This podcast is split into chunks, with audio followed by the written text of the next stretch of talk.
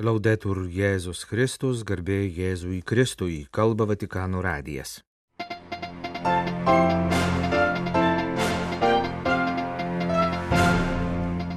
Po sėkmingos operacijos popiežiaus savijauta gera, pranešė jį operavęs chirurgas.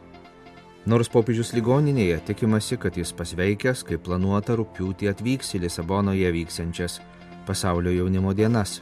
Romos centro gatvėmis vėl eis devintinių procesija. Šiais metais sukanka Eucharistinės giesmės prieš taip didį sakramentą autoriaus Šventojo Tomo Akviniečio kanonizacijos 700 metų sukaktis.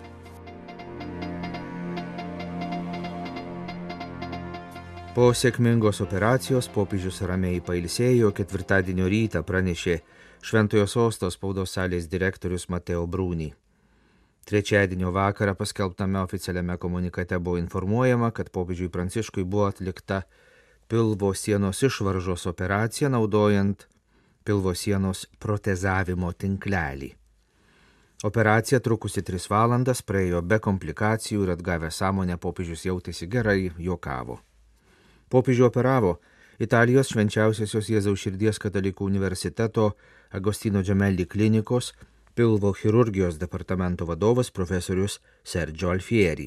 Šventasis tėvas jaučiasi gerai, tai manau yra ta žinia, kurios laukite jūs ir pasaulis, pasakė per trečiadienio vakarą vykusią spaudos konferenciją profesorius Alfieri. Kol kas nepranešama, kiek laiko popiežius turės praleisti ligoninėje Popiežių operavęs chirurgas paaiškino, kad paprastai tokiais atvejais pacientas pasilieka ligoninėje 5-7 dienas. Tačiau kadangi šiuo atveju pacientui 86 metai, gydimas ligoninėje gali užtrukti kiek ilgiau. Ketvirtadienį po vidudienio paskelbtame antrame komunikate Šventojo sostos spaudos salės direktorius Mateo Brūny pranešė, kad įprastiniai pooperaciniai kontroliniai tyrimai davė gerus rezultatus popiežius informuojamas apie iš viso pasaulio gaunamus linkėjimus, reiškia už juos dėkingumą, kartu prašydamas ir toliau už jį melstis. Iki birželio vidurio planuotos popiežiaus audiencijos buvo atšauktos, tačiau tikimasi, kad jis galės keliauti į suplanuotas apaštališkasias keliones. Pasaulinė jaunimo diena Lisabonoje bus nepakartojama proga būti priimtiems ir siunčiamiems į pasaulį. Nepraleiskime šios progos, pasakė kardinolas Manuel Clemente, Lisabonos patriarchas. Jis su Portugalijos sostinės meru Karlos Moedas ir pasaulinės jaunimo dienos Lisabonoje fondo pirmininku vyskupu Ameriko Agujaru Lisabonoje pristatė popiežiaus pranciškaus kelionės į Portugaliją programą. Anot patriarcho, Pasirengimas 37-ąjai pasauliniai jaunimo dienai prasidėjo 2017 metais, kai bažnyčia Lisabonoje paženklino norą surenkti kitą tarptautinį katalikiško jaunimo sambūrį. Įdėta daug darbo, prisidėjo tūkstančiai žmonių iš katalikų pasaulio ir Portugalijos institucijų. Šis įvykis paženklins ištisą kartą. Būtent jaunuoliai nulems ateitį, kurdami ekumenišką, solidarią ir brolišką visuomenę samprotavo vyriausias bažnyčios Portugalijoje ganytojas. Lisabonos meras pranešė, kad Teho parko, kuriame rūpiučio 5-6 dienomis įvyks pagrindiniai jaunimo susitikimai su popiežiumi, vigilija ir užbaigimo mišios jau baigti, o mišių altorius bus pastatytas iki Liepos 9 dienos. Portugalijos sostinės meras pasidžiaugė, kad Lisabona rūpiučio 2-6 dienomis taps pasaulio scena. Jis paragino portugalų jaunimą tapti Lisabonos ambasadoriais, o portugalų šeimas svetingai priimti į namus pasaulinės jaunimo dienos dalyvius. Patriarchas, meras ir pasaulinės jaunimo dienos Lisabonoje fondo pirmininkas pristatė popiežiaus kelionės programą tą pačią dieną, kai apie ją pranešė Vatikanas. Lisabonos vyskupas auxiliaras Ameriko Agujarų, pasaulinės jaunimo dienos Lisabonoje fondo pirmininkas, pažymėjo, kad be kitų programos įvykių numatytas popiežiaus susitikimas su dvasininkų seksualinį smurtą patyrusiais asmenimis. Susitikimas bus privatus, siekiant apsaugoti visų jo dalyvių orumą. Popiežius ir Portugalijos katalikų lyderiai primiktinai paprašė visomis priemonėmis užtikrinti nukentėjusiųjų įvaizdį ir gerą vardą, sakė vyskupas. Popiežius be to rūpjūčio penktą dieną lankysis Fatimos Marijos šventovėje, susitiks su miestelio gyventojais, vietiniais studentais, čia globojamais pabėgėliais, taip pat su vietinės civilinės valdžios ir visuomenės atstovais.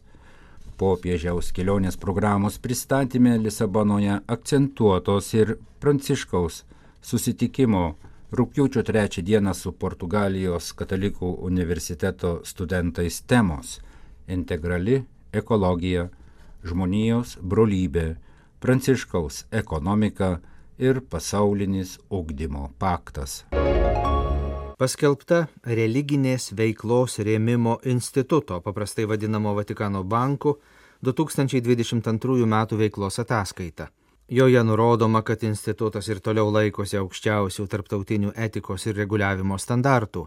Pagal Manival reitingus institutas patenka tarp geriausiai įvertintų bankininkystės institucijų pasaulyje.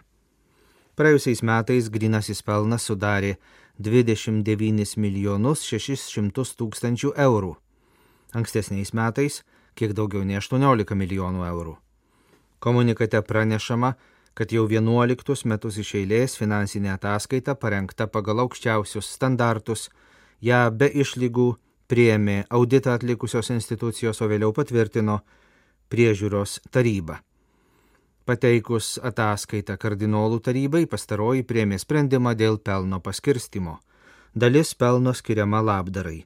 3 milijonai eurų skirti popiežiaus pranciškaus labdaros darbams, 2 milijonai eurų kardinolų komisijos labdaringai veiklai, 200 tūkstančių eurų paties instituto vykdomai labdaringai veiklai.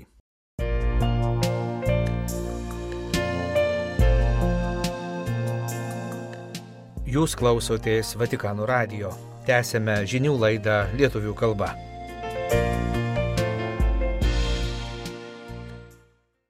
Sekmadienio birželio 11 vakarą Romos miesto centro gatvėmis vėl eis devintinių procesija, kuri pasibaigs Eucharistiniu palaiminimu prie švenčiausiosios mergelės Marijos didžiosios bazilikos devintinių švenčiausiojo Kristaus kūno ir kraujo iškilmę, bažnyčios liturginis kalendorius nurodo švęsti 60 dieną po Velykų, tai yra devintosios savaitės po Velykų ketvirtadienį. Šią dieną ši iškilmė švenčiama Vatikane, Lenkijoje, Austrijoje, Kroatijoje, dar kai kuriuose kitose šalyse. Tačiau daugumoje šalių ji nukeliama į sekmadienį. Anksčiau, kasmet devintinių ketvirtadienį popiežius aukodavęs iškilmės mišes savo katedroje Laterano Šventojo Jono bazilikoje ir vadovaudavęs Eucharistiniai procesijai einančiai Romos Vija Merulana gatve vedančią į švenčiausiosios mergelės Marijos didžiąją baziliką. Vėliau popiežius Pranciškus šią tvarką pakeitė. Jis vadovaudavo devintinių iškilmėms kurioje nors Romos vyskupijos parapijoje tačiau prasidėjus pandemijai ir ši tradicija nutrūko. Dabar devintinių procesijų tradicija Romos centre atgaivinama. Iškilmės švenčiausiosios mergelės Marijos bazilikoje prasidės šeštadienį, birželio 10 dieną po pietų, šiomis dienomis Romoje esančių šventosios kūdikėlio Jėzaus Teresės ir jos tėvų šventųjų Liudviko ir Zelijos relikvijų išstatymu po pirmųjų mišparų, kuriuos gėdos bazilikos kanauninkai, 18 val. bazilikos nepaprastasis komisaras arkivyskupas Rolandas Makrickas aukos mišes. Sekmadienį birželio 11-ąją 18 val. švenčiausio Kristaus kūno ir kraujo iškilmės mišes bazilikoje aukos Šventojo sosto kultūros ir ugdymo dikasterijos prefektas kardinolas Jose Tolentino de Mendonsa. Jis vadovaus ir procesijai su švenčiausiųjų sakramentu, kuri pajudės iš bazilikos, eis aplinkinėmis gatvėmis ir sugrįš į bazilikos aikštę, kur dalyviams bus suteiktas iškilmingas eucharistinis palaiminimas. Popiežiškoji švenčiausiosios mergelės Marijos didžioji bazilika sako šią iniciatyvą pristatydamas arkivyskupas Rolandas Makrickas, istoriškai svarbi dvasinė vieta, džiaugsmingai atsiveria tikintiesiems, priimdama visus norinčius išgyventi šias gilaus tikėjimo akimirkas. Švenčiausiojo Kristaus kūno ir kraujo iškilmę katalikų bažnyčia švenčia jau daugiau kaip 7,5 šimto metų. 1264 rūpiučio 11-ąją popiežius Urbonas IV paskelbė bulę Transiturus de hoc mundo, kurią nurodė, kad ketvirtadienį po sėkminių oktavos visame pasaulyje būtų švenčiama festum corporis kūno šventė ir kad ją minėdami visi katalikai džiugiai iškilmingai išpažintų tikėjimą tikru Kristaus buvimu Euharistijos sakramente. Visoje bažnyčioje įvesti švenčiausio Kristaus kūno ir kraujo iškilmę paskatino vidurio Italijoje 13 amžiuje įvykęs stebuklas. 1263 metais kunigas vardu Petras kaip piligrimas iš Bohemijos keliavo į Romą.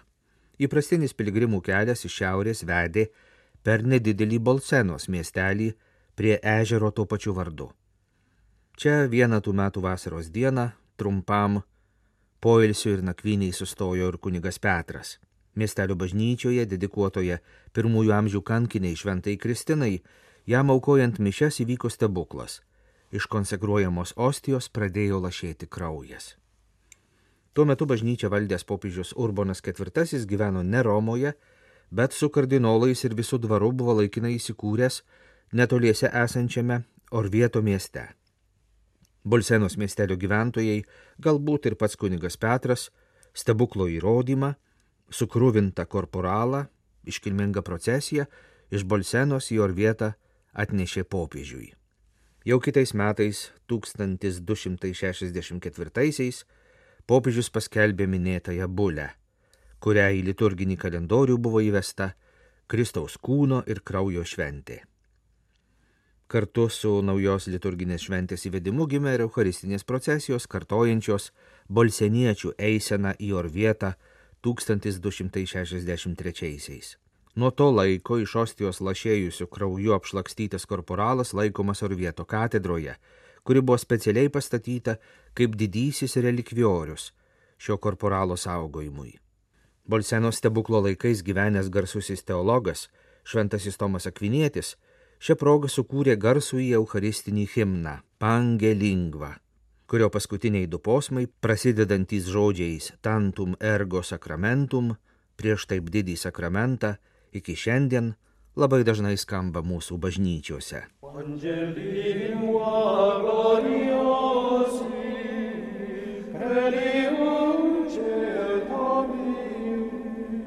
Liepos 18 dieną Fosanova abatijoje, Lacijaus regione, minimos bažnyčios mokytojo šventojo Tomo Akviniečio kanonizavimo 700-osios metinės. Garsusis teologas Šventasis Tomas Akvinietis mirė 1274 metais nelauktai cistersų vienuolių Fosanova abatijoje pakeliui į antrąjį bažnyčios susirinkimą Lione. 1323 metais Tomą Akvinėti bene iškiliausią pamokslininkų ordino vienuolį kanonizavo Jonas 22 Avignone rezidavęs popiežius. Popiežius Pranciškus antradienį paskyrė kardinolą Marcello Semeraro, šventųjų skelbimo dikasterijos prefektą savo nepaprastuoju pasintiniu į Šventojo Tomo Akviniečio kanonizavimo 700 metų iškilmę Fosanova abatijoje. Tūkstantaisiais metais abatiją įkūrė vienuoliai benediktinai. Vėliau vietoj jų popiežius įkurdino vienuolius cistersus, kurie pastatė gotikinio stiliaus bažnyčią Italijoje tapusią daugelio bažnyčių ypač Lacijaus regione, archetipu. Napoleono valdžios represuotą abatiją atgavęs popiežius joje įkurdino kartūzus. Vėliau čia įsikūrė pranciškonai konventualai. Nuo 2017 metų Fosanova abatijoje gyvena verbitai, įsikūnijusio žodžio dvasinės šeimos kunigai, pašvesti vyrai ir moterys. Tiesiogiai su Domininkonų ordinu nesusijusi Fosanova Batija labiausiai garsėja būtent todėl, kad joje mirė ir buvo palaidotas garsusis tuometinis teologijos novatorius Tomas Akvinietis, kurį Domininkonai net laiko antrų svarbiausių savo ordino asmenių po steigėjo šventojo Dominiko de Guzmano. Visą šimtmetį po Tomo Akviniečio mirties netrūko ginčių dėl jo žemiškųjų palaikų išsaugojimo, kurie tęsiasi net po jo kanonizavimo. 1369 metais įsikišus popiežiui palaimintajam Urbonui V, Šventojo Tomo Akviniečio relikvijos buvo perkeltos iš Fosanova į Tulūzos Jakobinų bažnyčią, vadinamą Šventojo Dominiko įsteigto pamokslininkų ordino lopšiu. Nuo tada Šventojo relikvija laikoma šios bažnyčios altorijoje. Panašiai kaip Šventojo Tomo Akviniečio žemiškiai palaikai buvo kilnojami. Taip ir šventojo minėjimo diena 1969 metais perkelta iš kovo 7-osios Tomo Akviniečio mirties dienos į sausio 28-ąją menančią jo palaikų perkelimo iš Italijos į Prancūziją įvykį. Tomas Akvinietis daug šimtmečių garsėja kaip mokslo pasaulio žmogus labiau nei kaip šventasis. Jis vadinamas teologų kunigaikščių ir angeliškuoju teologu. Jį kanonizavęs popiežius tampriai susijęjo Tomo Akviniečio mokslą su jo šventumu. Atsiliepdamas į bene garsiausią bažnyčios mokytojo trijų dalių traktatą teologijos sumą, kuriame apibriešta per 3000 bažnyčios mokymo straipsnių, popiežius Jonas 22 patikino, kad kiek traktato straipsnių, tiek stebuklų. Beje, bažnyčios mokytojo ir šventojo Tomo Kviniečio kaukolės relikvija nuo 1369 metų saugojama Tulūzos Jakobinų bažnyčioje kanonizavimo 700 metų jubiliejaus proga buvo perkelta į naują relikvijorių. Apaštališkoji penitenciarija popiežiaus dekretu suteikė atlaidus visiems, kurie įprastinėmis sąlygomis melsis prie šios Šventojo Tomo Akviniečio relikvijos. 2024 ir 2025 metais sukanka dar du Šventojo Tomo Akviniečio jubiliejai. 2024 metais 750-osios mirties ir 2025 metais 800-osios gimimo metinės, be kitų titulų. Šventasis Tomas Akvinietis nuo XIX amžiaus vadinamas visų pasaulyje universitetų, gimnazijų, ir mokyklų globėjų.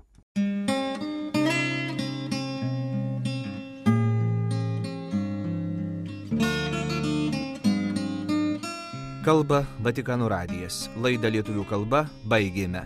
Garbėjai Jėzui Kristui, laudetur Jėzus Kristus.